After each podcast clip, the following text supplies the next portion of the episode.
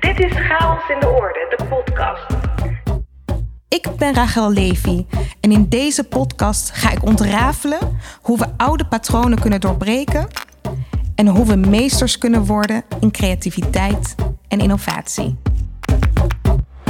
Iedereen wil veranderen, maar niemand wil veranderd worden. Het is een thema dat al vaker is aangeraakt in deze podcast. Hoe breng je mensen in beweging zonder ze te dwingen tot beweging? Hoe kun je mensen verleiden om bij te dragen aan verandering? Roel Simons is kunstenaar, sociaal werker, community manager, ondernemer. En hij heeft al 30 jaar ervaring met participatieve kunst, participatieprojecten en het creëren en behouden van communities. Het betrekken en in beweging brengen van mensen dus. Steeds weer zoekt hij wegen om mensen deelgenoot te maken, om ze vanuit intrinsieke motivatie te verbinden aan een visie of gedachtegoed. In deze aflevering hoor je hoe Roel zorgt dat zijn projecten of de veranderingen die hij faciliteert relevant genoeg worden voor de ander om mee te willen doen. Chaos in de orde. De zoektocht. Roel Simons groeide op in Heidhuizen, een klein dorpje tussen Roermond en Weert in Limburg. En wij woonden in een straat, nou, met, even kijken, ik denk zo'n 40 huizen. 10 aan de ene kant, misschien 15, aan de andere kant 15. En dat was echt een mengelmoesje van, uh, van mensen. Het was een nieuwe wijk die gebouwd was. Dus mijn, ouders daar kwamen wonen, waren ze net getrouwd. En toen was die wijk net uh, gebouwd. Ze waren 23 of zo toen ze daar kwamen wonen. En uh, daar zat de, uh, de directeur en zijn vrouw van de plaatselijke bioscoop. Uh, daar zat een uh, fysiotherapeut, daar zat een vrachtwagenchauffeur, daar zat een uh, arbeidsongeschikte oud schipper. daar zaten ook herplaatste achterstandsgezinnen uit Roermond, die uit, de, uit het broek weggehaald waren, omdat dat helemaal gerenoveerd werd en herplaatst werden uit, uit dat gedeelte van de stad en dan naar het dorp verplaatst waren.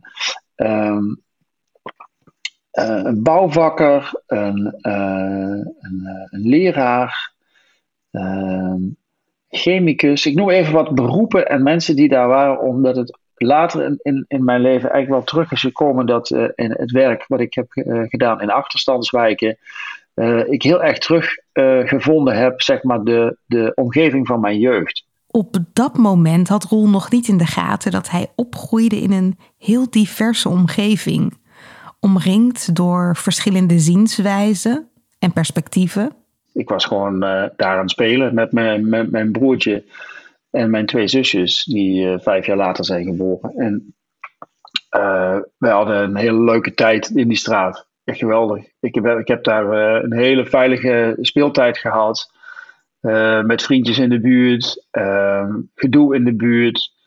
Ehm, ja, alles wat ik toen dacht dat normaal was. heb ik daar meegemaakt. En dat, eh, dat herinner ik mij en dat voel ik terug als een, als een hele leuke, onbevangen uh, jeugd met nou, de kleine uitdagingen die horen bij de diversiteit van zo'n uh, wijkje. Maar niet met grote problemen of grote uitdagingen. In ieder geval niet zoals ik ze heb ervaren. Mijn, mijn ouders hadden niet heel veel geld, maar daar heb ik nooit last van gehad. Dat Heidhuizen een klein dorp was, waar weinig spannends gebeurde, maakte tot de tienerjaren van Roel nooit uit? Ik heb dat in mijn, mijn vroege kinderjaren heb ik dat helemaal niet ervaren als benauwend. Ik denk het tegendeel. Ik denk dat, ik in beginjaren echt uh, heel veel plezier en veiligheid heb ervaren en, en aandacht. En uh, ja, weinig, uh, weinig, weinig spannends ook. Hè? Dus dat, dat hoort er dan ook bij. Dus dan ben je dan later ga je dat weer zoeken. maar ik heb een hele rustige en veilige start gehad. Toen het dorp op een gegeven moment te klein werd, te benauwend, vertrok Roel naar de stad, Maastricht, waar ineens van alles te doen was. Maar de behoefte aan het vervelen en lummelen uit zijn kindertijd bleef ook in die nieuwe omgeving en later in zijn leven belangrijk. Op mijn beste momenten nu uh, zit ik in, de, in mijn Pompidou-tijd. Zo noem ik dat. Als ik uh, in mijn Pompidou-sfeer zit, dan ben ik op mijn best. Dan kan ik gewoon langzaam rondlopen. Uh, ben ik niet heel hard op weg naar iets. Uh, kan ik om mij heen kijken? Kan ik naar mensen luisteren? Kan ik stil blijven staan? met de verwondering van, nou ja, ik heb nu een dochter van vijf die als ik haast heb, moet ik steeds tegen haar zeggen: schiet nou eens op schiet nou eens op. En dat vind ik eigenlijk heel vervelend om te doen, want ik weet waar zij zit. En dat is echt een veel betere plek dan uh, de plek waar ik zit. Op het moment dat ik het nodig vind om haar achter de broek aan te zitten. Jezelf de kans geven om te vertragen, te ontmoeten, betekent ruimte maken. Ruimte maken voor verrassingen, verwondering, verbeelding, creativiteit. Dat ben ik pas gaan ontdekken toen ik, eh, denk een jaar of tien, elf of zo, toen ik uh, uh, op het schoolplein ging rondstruinen en al, op de grond allerlei dingetjes vond die ik in mijn broekzak en in mijn jaszak stopte. van takjes tot plastic zakjes tot um, wat wij dan in Limburg snorzout, dat is zwart-wit poeder. Dat zat nog in die kleine flesjes met die rode dopjes die later verboden zijn, omdat als je daar hard aan zoogt, dan zorg je dat uh, dopje in de achtste van je keel. Dus dat, dat werd op een gegeven moment verboden. Maar daar had ik er heel veel van in mijn jaszak zitten. En daar maakte ik dan verhaaltjes bij. Dus van alle dingen die ik vond, uh, daar maakte ik verhaaltjes bij. Daar had ik ook een, een speciaal piepstemmetje bij wat daarbij hoorde. Van een karaktertje wat er dan spontaan in mij opkwam op enig moment. En dat had succes, dus dat bleef ik dan doen, want dat werkte. Uh, en zo maakte ik verhaaltjes van de dingen die ik vond. Uh, en de, die vindt die dingen alleen maar als je de tijd neemt om rond te kijken. En dat is wat ik eigenlijk nog steeds doe. Als, het, als ik in mijn goede hum zin, is dat wat ik doe. Dan kijk ik om me heen, vang ik verhaaltjes op van anderen. Um, vind ik dingen op straat, ontdek ik dingen, leg ik verbanden die andere mensen niet zien. Uh, omdat ze met een andere blik of een andere snelheid door dezelfde plek lopen als dat ik dat doe. En als het niet zo goed met mij gaat, dan kan ik alleen maar zeggen: Ah, ik loop net zo snel als al die andere mensen. Of ik ben net zo hard bezig als al die andere mensen. En dan weet ik dat ik, uh, dat ik weer moet afremmen en dat ik naar mijn Pompidou-plek moet. En, um, en dan werkt het weer. Maar ik moet zeggen dat het wel steeds lastiger wordt. Ik. Um, ik, ik, uh, ik vind het lastiger om uit de waan van de dag te stappen. Naarmate ik ouder word, uh, merk ik uh, dat ik uh, me laat verleiden om ook ehm, werk te doen waar, wat in een bepaald ritme, een bepaalde structuur, met bepaalde afspraken moet lopen. Terwijl ik weet dat ik dat beter niet kan doen. Maar het is heel lastig om het. Uh, ik heb het, uh, laat ik zeggen, zakelijk nog niet zo voor elkaar dat ik, dat, ik dat pompidom gehalte op optimaal niveau krijg, zeg maar. Maar dat is wel, de, dat is wel het spel. Dat rondkijken, zodat er misschien iets kan ontstaan. Ja, het lukt Roel nu steeds minder vaak om daar tijd voor te nemen. Ook al is dat dwalen en vinden van verhalen altijd een enorme essentie geweest in zijn loopbaan. Toen Roel eenmaal in Maastricht terechtkwam, deed hij de HBOJ, een opleiding tot jeugdwelzijnswerker. Een logische keuze vanwege zijn zorgzame kant. Maar het was ook een plek waar creativiteit werd geprikkeld in die periode van vier jaar ben ik eigenlijk wel heel snel begonnen met uh, uh, fotografie en uh, film als, als middel om met name in buurthuizen en in jongerencentra aan het werk te zijn met, met jongeren. Dus daar ben ik heel snel alweer die verhalen verzamelaar geworden. Ehm, waarmee ik met, met jonge mensen ging fotoromannetjes maken in de wijk. Om daar nou hun eigen verhaal in het decor van hun eigen omgeving een plek te geven zodat ze zich op die manier zeg maar, hun eigen omgeving konden toe-eigenen. Door middel van beeldverhalen hielp Roel jongeren om hun omgeving te begrijpen en toe te eigenen. Later maakte hij in een andere instelling films met mensen met het syndroom van Down. De rol van jeugdwerker veranderde steeds meer in de rol van filmmaker, van verhalenverteller. En dat kon ook. Er was in die tijd best veel geld in dat soort instellingen. En vaak was er betere apparatuur voorhanden dan bij de gemiddelde lokale omroep.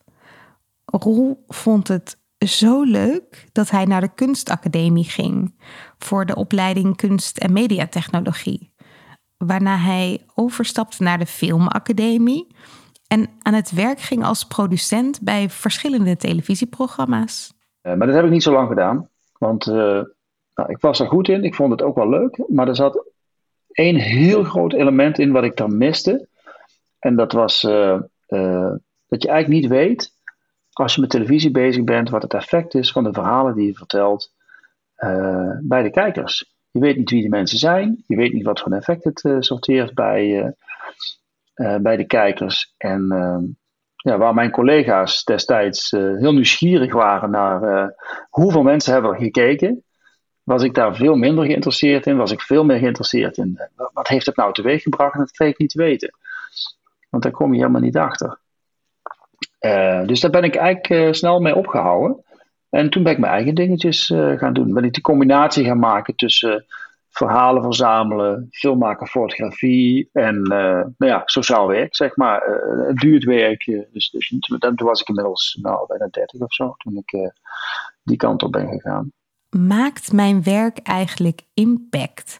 vroeg Roel zich af. En dat werd de belangrijkste drijfveer voor alles wat hij later zou doen. Of het nu een opdracht was of volledig uit zichzelf kwam. Kun je je nog die eerste ervaringen van Roel herinneren met film en fotografie? Hij hielp jongeren om hun omgeving te begrijpen. En datzelfde principe paste hij toen in een andere vorm toe in zijn eigen omgeving.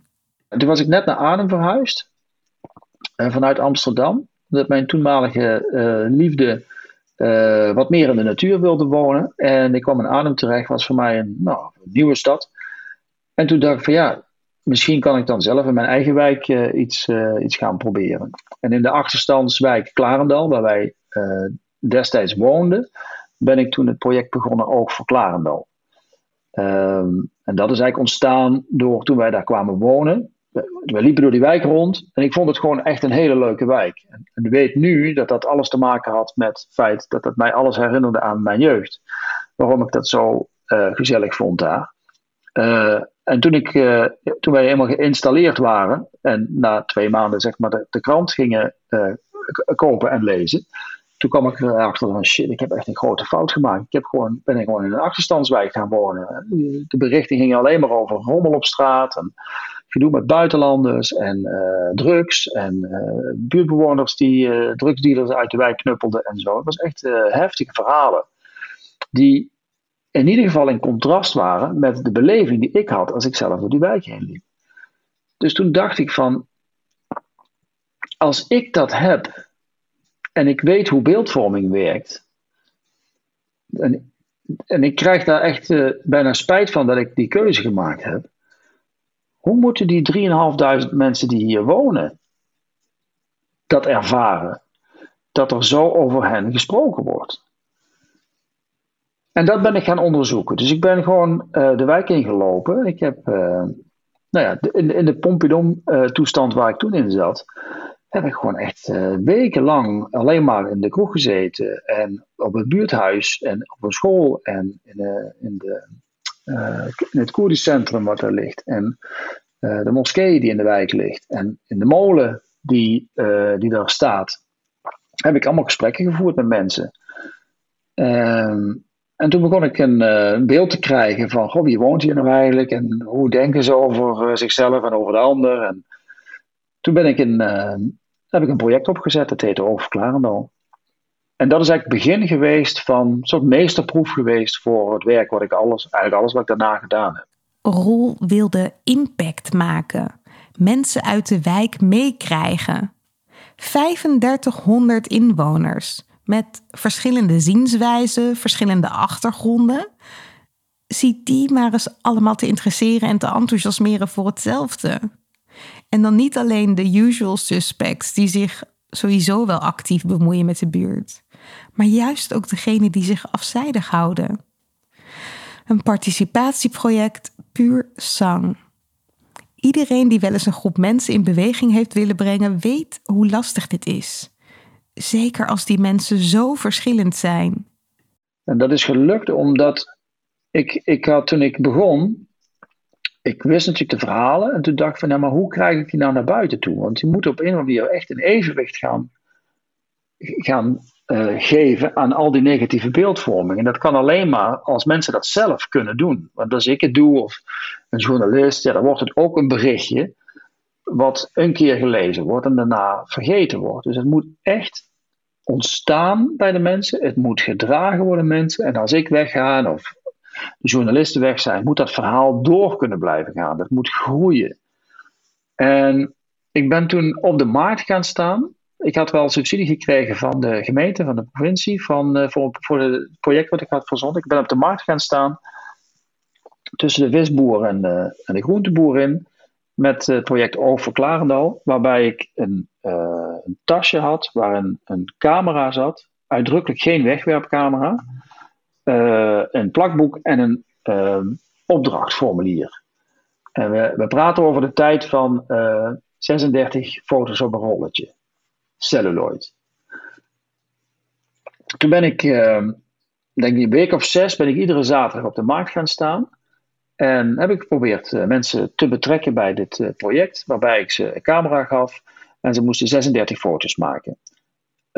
10 foto's waren opdracht, zelfportret, familieportret, huisdier, leukste plekje in huis, ehm, favoriete voorwerp, Ehm, nou, al dat soort hele typische achter de voordeur foto's. En de tiende foto was eh, een foto van de voordeur van de buitenkant afgenomen.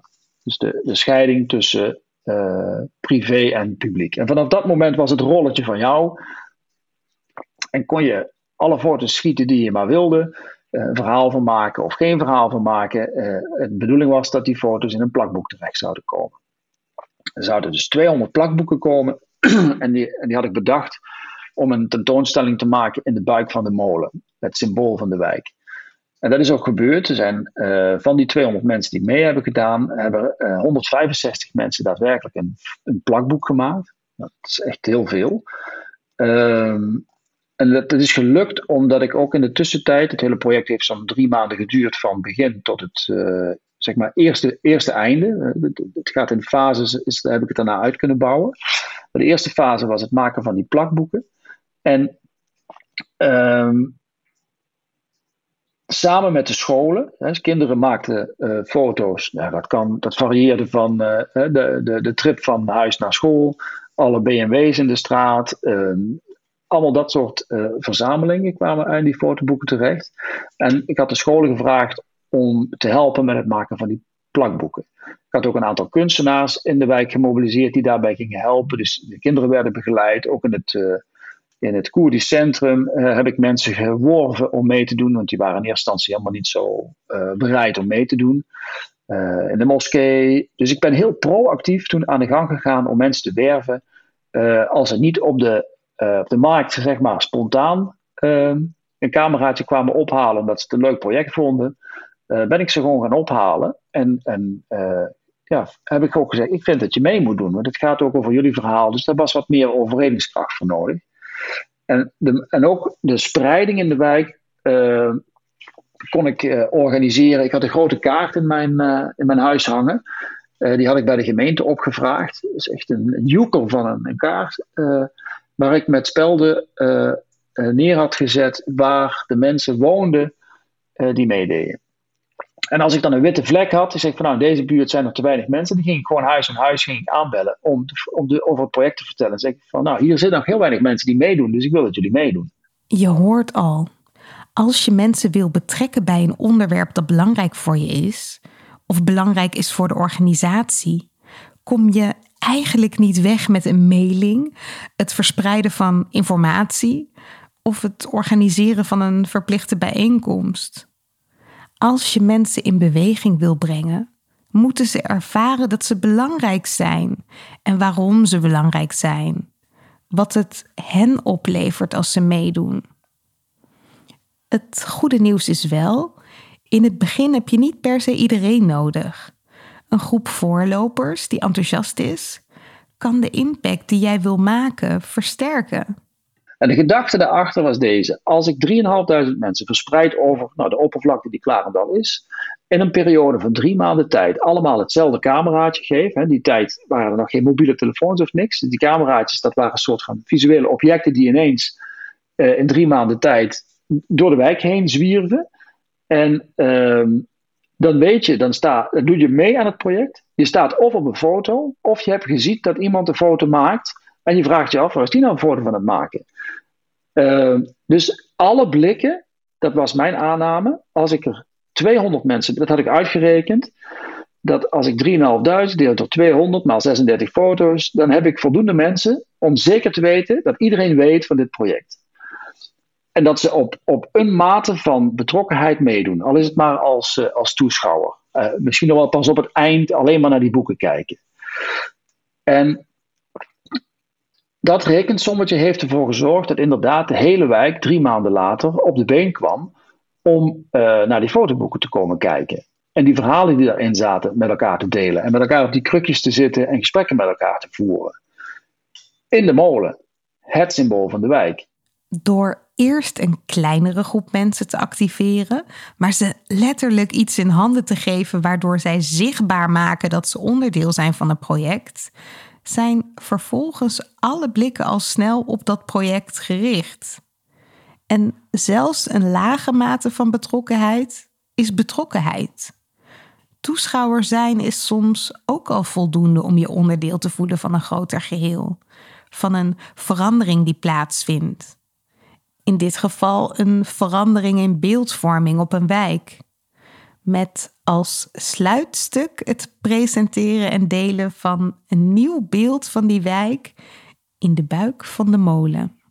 En het interessante was dat uh, ik keek uit op die molen vanuit mijn appartement. Dus daar is het idee ook ontstaan. Ik woonde drie hoog.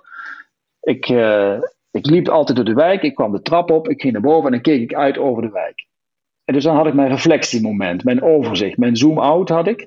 En elke dag als ik naar beneden ging, had ik mijn zoom-in. Dat was een fysieke, uh, fysieke tocht die ik elke keer maakte. Dus zodoende kon dat idee ook ontstaan van uh, vergezicht, uh, in die buik, dat symbool. En dan moet tentoonstelling. Het was een soort canvas, zeg maar, waar ik iedere dag naar keek en waar dat idee langzaamaan gestalte kon krijgen.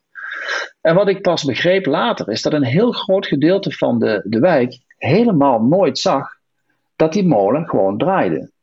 Bijna iedere dag.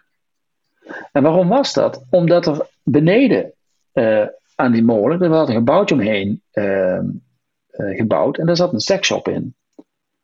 Dus voor een grote groep van de bevolking was dat een plaats waar ze hun hoofd bij wegdraaiden, of mentaal in ieder geval aan voorbij liepen. En nu moesten ze daar, of in ieder geval moesten, werden ze verleid om toch naar die tentoonstelling te komen. En voor mij dus daardoor, door, de, die tentoonstelling, is het symbool ook weer letterlijk tot leven gekomen. En dat is pas, dan hebben we het pas een paar, jaar, een paar jaren later, heeft de woningcorporatie, dat is bijna zeven of acht jaar na het project geweest, heeft ook besloten om die seksshop uit te kopen en de molen op te kopen. Om het, het zeg maar, dat was inmiddels geladen met uh, al die verhalen en uh, activiteiten die door kunstenaars, door mij, maar ook door de mensen in de molen zelf, want die draaiden gewoon, die verkochten op mail. Die, hadden heel duidelijk het besef gekregen door mijn project van daar moeten we iets mee. We moeten zorgen dat dat een soort van schoon gemaakt beeld blijft, waardoor mensen, alle mensen in de wijk daar toegang, emotioneel en mentaal toegang toe hebben tot dat symbool. En die hebben die, die seksophouder hebben ze gewoon uitgekocht. En ze hebben een, een atelier uh, laten maken in, in dat gebouw. Ze hebben een uh, plaatsmaken, is een club geweest die allemaal tentoonstellingen en kunstenaars ondersteunt in het maken van boeken. hebben ze daar gehuisvest, waardoor dat een creatieve plek met veel historie is geworden. Hè? Die molen, die werkplaats, de kunstenaars. Roel zegt hier iets belangrijks. Als je mensen wil betrekken, of dat nu is bij hun leefomgeving, bij een project of een verandering, het is belangrijk dat ze emotioneel en mentaal toegang ervaren. En die toegang creëer je door het vertellen van een nieuw verhaal. Een verhaal dat voor hen relevant is, dat raakt aan wat ze belangrijk vinden. Het heeft echt heel veel teweeggebracht uh, in, in de wijk. En vooral in de manier waarop ook beleidsmakers, uh, woningcorporaties, professionals in de wijk zijn gaan kijken naar de mensen die er wonen. En de kunstenaars die in principe daar alleen maar woonden in die wijk, want er zaten ontzettend veel kunstenaars. die heb ik denk ik wel weten te inspireren om met theater, met muziek, met allerlei andere vormen ook aan de slag te gaan met, met de mensen in de wijk. En in de jaren daarna uh, is dat echt een van de leukste wijken geworden van, uh, van Arnhem. Ben jij je bewust van de kracht van beeldvorming en samenwerken aan een nieuw verhaal? Verhalen zijn brandstof voor verandering. Wat ik gedaan heb, is een vonkje gemaakt. wat voor anderen de ruimte heeft gegeven om allemaal nieuwe dingen te, te verzinnen. Nou, dat, dat, is wat ik, ja, dat is wat ik eigenlijk uh, goed kan, wat ik leuk vind om te doen. Uh, ergens rondlopen, verhalen verzamelen, vuurtjes aansteken en. Uh, ja, ja en, en, misschien is het wel een soort kampvuurtje, hè? kampvuurtjes maken op plekken waar mensen verhalen rondomheen kunnen vertellen. Verhalen vertellen rond het kampvuur. Het klinkt misschien als kneuterig en gezellig, maar het is ook een strategie. In zo'n sfeer laten mensen veel makkelijker hun weerstand of argwaan los. Het betekent alleen wel dat jij of je organisatie de omstandigheden moet creëren waar dit in kan plaatsvinden. Waar mensen zich veilig, fijn en betrokken voelen. Roel is zich in zijn werk steeds meer gaan richten op het ontwikkelen en versterken van communities het samenbrengen van mensen rond een gezamenlijk doel. Het op gang brengen van een beweging door het collectief te betrekken. Een van de dingen die hij bijvoorbeeld nu doet, is het opleiden van bibliotheekmedewerkers. Bibliotheken zijn steeds minder relevant geworden voor grote groepen mensen. Terwijl ze een belangrijke rol kunnen hebben in de wijken als partner van scholen en ouders om bij te dragen aan ontwikkeling. Roel wil die relevantie terugbrengen door het community denken over te brengen. En wat het bijna het allermoeilijkste is om, uh, om hen te leren, is dat ze eigenlijk zonder agenda in gesprek gaan met mensen. Omdat ze vanuit hun rol als uh, bibliotheekmedewerker het gevoel hebben dat ze de bibliotheek moeten vertegenwoordigen.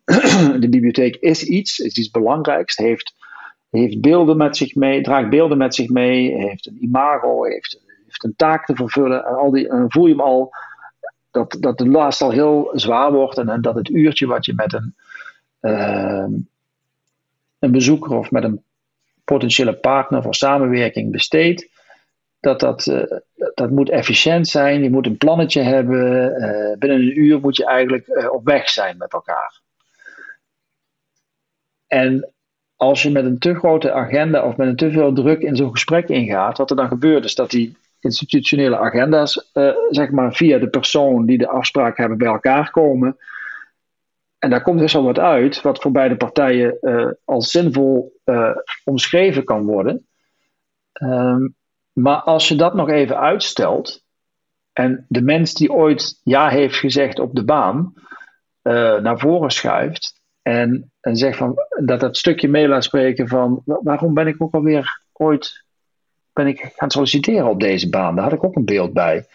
En een verlangen wat daarbij hoorde om uitdrukking te geven aan nou ja, de talenten die ik heb, aan de zorgen die ik heb voor uh, het leven om mij heen, uh, et cetera, et cetera. En wat je vaak ziet is dat in die systemen uh, dat hele prille, kwetsbare gevoel van dit is wat ik teweeg zou willen brengen, of hier zou ik iets aan bij willen dragen, of dit zou ik willen leren, uh, eigenlijk heel snel verdwijnt. Zodra we in organisaties terechtkomen, in het systeem van die organisatie, verdwijnen we achter een professioneel masker, achter een laag jargon, achter aangeleerde zakelijke gedragingen. En juist dat masker maakt het lastig om mensen om je heen te bereiken. Om ze mentaal en emotioneel toegang te geven tot vernieuwende ideeën of verandering. En de frustratie die ik in die gesprekken met cursisten ook uh, uh, hoor, is dat. Dat het een moeilijke taak is om uh, als mens weer naar voren te schuiven uh, jezelf als mens weer naar voren te schuiven en erop te vertrouwen dat zelfs de mensen die in het systeem zaten, die jou aan hebben genomen, uh, echt wel het beste met jou voor hebben uh, en jou vertrouwen in, ja, dat kun je echt wel. En als je het nog niet kunt, dan kun je het leren. En dat kun je alleen maar leren door, nou ja, gewoon het contact aan de andere kant aan te gaan het gesprek te gaan voeren. En te onderzoeken waarom die persoon ooit die baan heeft aangenomen. En dus proberen die mensen daarin uh, de plek te geven, de ruimte te geven om elkaar weer te ontmoeten. En nog even het systeem te parkeren. Verandering kun je eigenlijk niet brengen vanuit je professionele jasje. Vanuit het systeem zal nooit echte verandering komen. De verandering vindt plaats via de mensen die in staat zijn andere mensen te bereiken. Maar we hebben vanuit het systeem soms wel iets nodig.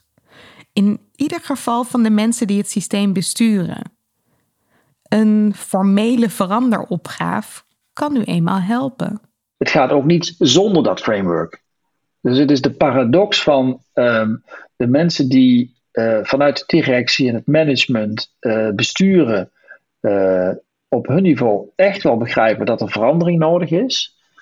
En dat ze daar de woorden voor gebruiken om dat te communiceren. Maar dat zeker in, het geval van wat mensen die wat hoger in de piramide zeg maar, van een organisatie zitten, dat gevoel echt wel hebben.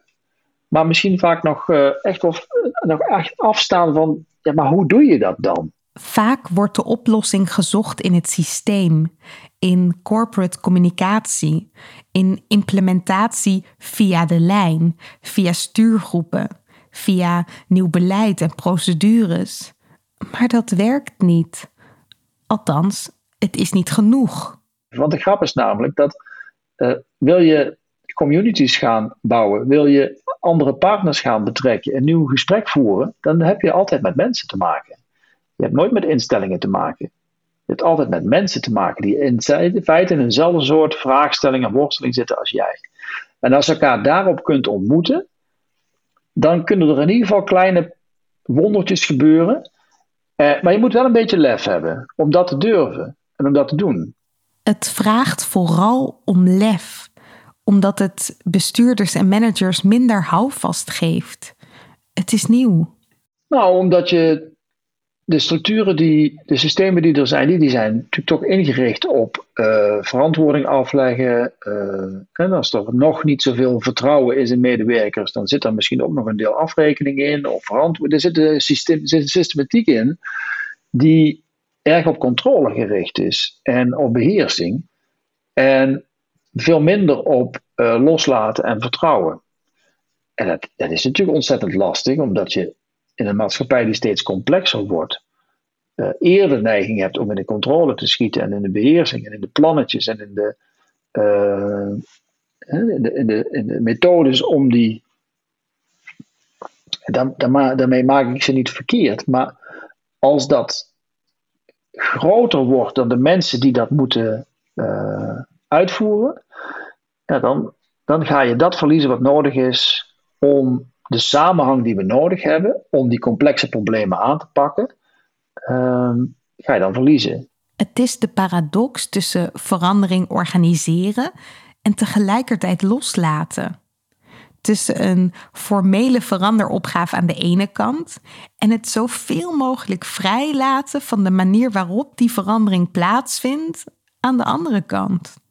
Dus wat ik steeds tegenkom is ehm, het besef van directie, van um, teammanagers, van mensen met hele specifieke uh, controlerollen of visierollen zelfs, uh, dat die uh, het moeilijk vinden om dat waar de mensen die op de vloer zeg maar werken, met, met, met de, inderdaad de chaotische, soms wat rommelige ideeën, om die hun gang te laten gaan. En erop te vertrouwen dat als je dat laat gebeuren, dat er iets uitkomt wat dichter bij de doelstellingen en de visie ligt dan je misschien zou denken. In ieder geval op den duur. In het begin ziet het er namelijk helemaal niet zo uit. En het is nog een beetje knullig en, het is, krijgt er een beetje buikpijn van soms. Omdat ze, ja, iedereen is nog een beetje aan het leren. Dus voor mensen die visie hebben en die ergens naartoe willen, en dat doe je met beelden van die, die redelijk perfect en, en, en, en, niet zo rafelijk zijn, is elke eerste poging om daar te komen, doet allemaal een beetje zeer. Want het ziet er helemaal niet zo leuk uit. Het ziet er soms al oud en, en ze zijn nog niet. Dat is allemaal, moet je allemaal. Uh, is best wel lastig voor die mensen die met visies en met leiding. Het is niet gemakkelijk. En voor de mensen in de organisatie is het ook niet makkelijk. Zeker als ze zich niet kunnen verschuilen achter het institutionele jasje voor hen is het heel eng om die eerste stapjes te maken, omdat ze bang zijn uh, hoe er naar hun gekeken wordt en hoe ze beoordeeld worden. Ze hebben soms al, al wel de deksel twee of drie keer op de neus gehad, dus ze denken, nou, um, ga ik niet meer doen. Uh, terwijl inmiddels de beweging al wel gaande is, ook in die bovenlagen. Dus daar is een grotere bereidheid zich aan het ontvouwen om mensen de ruimte gegeven, maar dat begint nu pas. En die mensen die komen niet net pas, ze zijn ook al tien jaar aan het werk. Dus ze hebben al, dus het leerproces waar die, nou ja, noem het maar de bovenlaag uh, mee bezig is, die is voor de onderlaag helemaal niet zo zichtbaar. Waardoor mensen op de werkvloer vaak al verandermoe zijn. Of zich afvragen of het nog zin heeft om mee te bewegen terwijl er wel degelijk betere omstandigheden zijn ontstaan om die verandering nu dan wel te bereiken. Als ze van elkaar beter weten dat ze nog aan het leren zijn, ze in deze allemaal beginners zijn op hun eigen niveau, dan is er, uh, is er echt heel veel mogelijk. Vaak presenteert de top van de organisatie een visie. Maar deze visie is zo gepolijst dat het voor de rest van de organisatie als een papieren werkelijkheid voelt. Iets dat buiten je staat.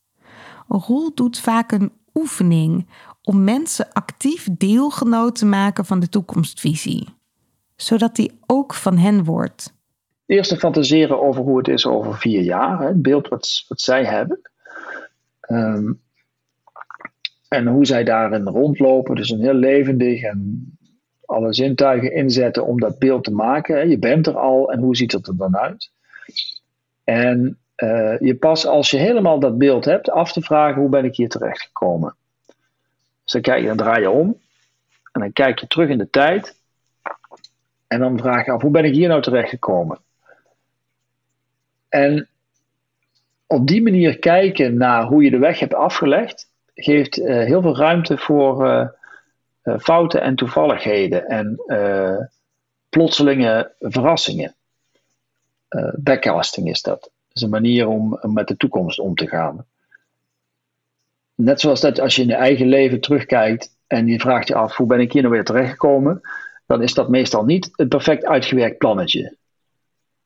Dan is dat uh, uh, nou, uh, de toevallige ontmoeting met, die, met dat meisje op het strand, die daar en daar, dat, dat is ik was op een conferentie en toen liep ik die tegen het lijf. Dat was helemaal niet het idee, maar daar heb ik toen een gesprek mee gehad. Toen kreeg ik die opdracht. Toen heb ik dat ontdekt. En uh, vervolgens zit ik al drie jaar uh, in deze sector te werken, terwijl ik dacht dat ik daar nooit terecht zou komen. Want dat is mijn verhaal in de bibliotheek.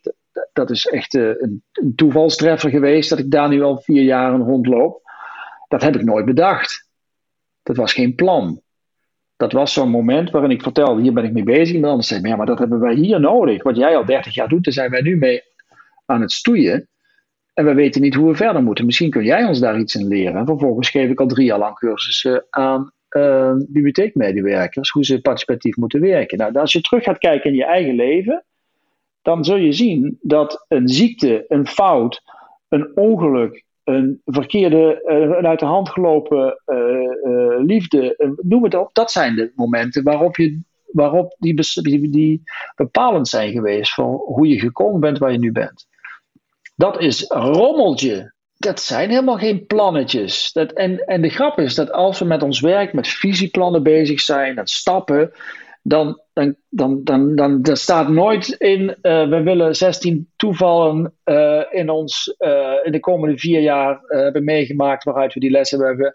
16 ongelukken overleefd. we hebben nou, de, de pandemie hebben we van kunnen opsteken. Dat, dat staat allemaal niet in die plannetjes. Maar dat is wel de werkelijkheid waarin we nu leven. Dat dat de bepalende factoren zijn. Of in ieder geval een groot deel van de bepalende factoren zijn. Die bepalen, oh, nu, oh daarom zijn we hier nu. Als je kunt zien en kunt accepteren dat het leven per definitie rommelig verloopt, kun je ook met elkaar zien en accepteren dat innovatie rommelig verloopt. Of dat een verandering teweegbrengen rommelig verloopt. Dat haalt de druk weg om alles perfect uit te denken, om de verandering te willen plannen en regisseren. Dan ontstaat er ruimte om aandacht te geven aan de connectie. De connectie tussen de mens en de verandering. Tussen het gepolijste verhaal van de directie en het rafelige verhaal van werknemers dan kun je mensen ruimte geven om onderdeel te worden van de verandering. Om die verandering te zijn en die verandering zelf te Ook als dat er in eerste instantie pijnlijk en amateuristisch uitziet. Het wordt wel steeds evidenter volgens mij dat uh, de structuren die we gebouwd hebben om uh, te beheersen wat we denken dat we moeten beheersen, uh, niet toereikend zijn om de problemen op te lossen, de uitdagingen aan te gaan die er voor ons liggen. Daar zijn ze te complex voor. Dus we moeten heel veel ruimte gaan geven voor het niet weten, het nog niet weten, het, uh, uh, het vergeten. En het ons weer herinneren. Het, uh, en het gesprek. Als je wil dat mensen onderdeel worden van dat gesprek, of liever nog dat gesprek zelf gaan voeren, is betrokkenheid belangrijk. Die kun je in eerste instantie zelf aanjagen. Zeker als jij een creative changemaker bent. Je kunt rolmodel zijn voor de verandering die je in de organisatiecultuur wil zien. En die verandering vervolgens ook wat uit handen geven. De participatieve werkvormen die ik, uh, die ik gebruik zijn in principe intrinsiek geschikt om ervoor te zorgen dat uh, niet alles op één of een paar schouders ligt. Dus dat de, de kennis en wijsheid en ervaring van een groep of het leervermogen beschikbaar is voor nou, de hele groep. En uh, je hebt een facilitator. Hè? In de beginfase uh, ben ik dat. Uh, maar al heel snel uh, draag ik die rol over aan andere mensen die in die groep zijn. Dan wel omdat ze daar al het de, de, talent en de kennis voor hebben. Dan wel om, omdat ik ze dat leer of omdat ik ze naar een cursus stuur en zeg van nou, dit is, als je dit weet, dan kun jij het binnenkort gaan overnemen. Dus bij het werken met groepen is dat eigenlijk het eerste wat ik doe. Eerst laten zien, zo voelt het, zo is het. Als je samenwerkt uh, op deze participatieve manier, dan komt er heel veel energie vrij. En dan komt er vanzelf ook energie vrij bij mensen die zeggen, oh dat, dat wil ik ook, of dat kan ik al. En dan is het eigenlijk zaak om zo snel mogelijk een stapje terug te doen. Dan hangt het niet van mij af wat er daarna mee gebeurt. Dan is het, het, uh, zeg maar het, het kunstenaarschap of het, uh, het creatieve deel zit hem echt in. Kijk daar. En zo doe ik het. Doe dat ook. Kijk eens of dat, of, of dat voor jou ook werkt. Het echt het anders kijken en anders doen. dat in de praktijk brengen. En als dat lukt, dan kun je daarna ook uitstappen. Want dan komen er genoeg mensen in die ook iets anders zien en iets anders doen. En daar dan ruimte voor kunnen pakken. En dan gebeuren wel weer andere dingen die, die ik niet zou kunnen of niet zou willen doen. Maar dat maakt niet uit. Het gaat er dan om dat er weer een nieuwe, ja, wat jij zegt, een beweging ontstaat, een nieuwe dynamiek ontstaat. Uh, die tot andere inzichten leidt, tot andere werkvormen leidt, tot andere oplossingen leidt. In ieder geval tot het meer zelf dragen van je eigen oplossingen. En meer samen. Je hoort, het is complex, maar maak het niet te complex. Blijf juist weg van het overorganiseren of het willen beheersen van beweging. Doe misschien minder, maar op een andere manier, in een andere vorm, zodat je meer bereikt. Door werkvormen te gebruiken die daar een appel op doen, kun je in het werk wat je gekozen hebt, en de plek waar je dat wil doen, echt zoveel meer teweeg brengen dan je vaak de gelegenheid voor krijgt. Waardoor volgens mij het, werk zelf uh, rijker kan worden, je als mens gaat groeien en de organisatie ook veel beter uh, vorm kan geven aan de visie en doelstellingen die zij hebben. Chaos in de orde. De zoektocht. Mensen bewegen.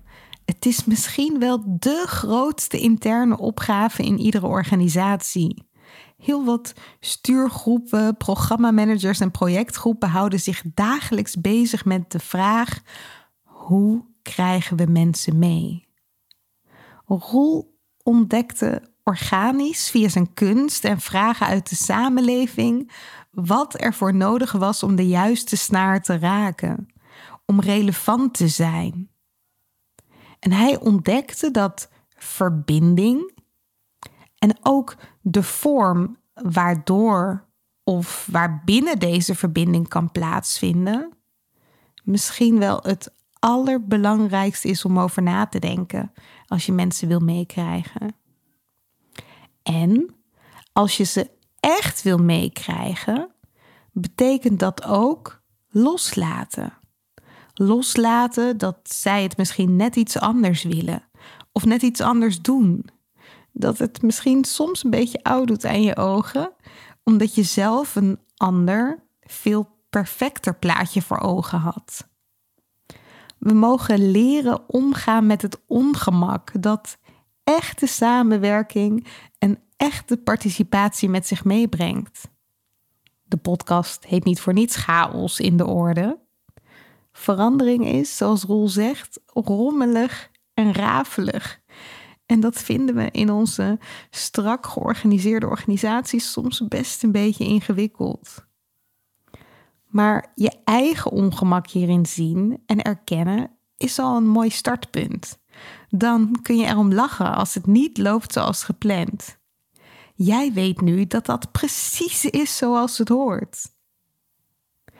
Roel heeft nog veel meer interessante verhalen.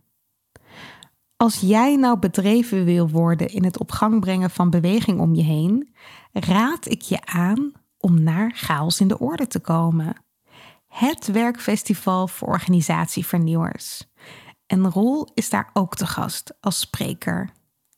Als je nog geen kaartje hebt, moet je alleen wel snel zijn, want het festival is al op 11.11. Aanstaande dus. Kijk voor informatie en de laatste kaartjes op chaosindeorde.nl. En zowel Roel als ik zouden het heel leuk vinden je daar te zien. Creativiteit, innovatie. Het lijkt omgeven door een mysterieuze mist. Een geheim voor briljante breinen en getalenteerde kunstenaars. En toch, het moet toch voor iedereen toegankelijk zijn? Aflevering voor aflevering graaf ik steeds een stukje dieper. Ben jij enthousiast? Abonneer je dan op deze podcast en laat een review achter in de app waarmee je luistert. Hoe meer reviews we ontvangen, hoe meer mensen deze podcast kunnen vinden. Zo zorgen we samen voor meer chaos in de orde. Wil jij zelf chaos in de orde brengen? Download dan gratis het e-book Chaos. 10 manieren om patronen te doorbreken. Je vindt het op chaosindeorde.nl slash podcast. Deze podcast wordt je aangeboden door Huis van Verbeelding. Het bedrijf voor zakelijke creativiteit. Tot de volgende keer en veel chaos!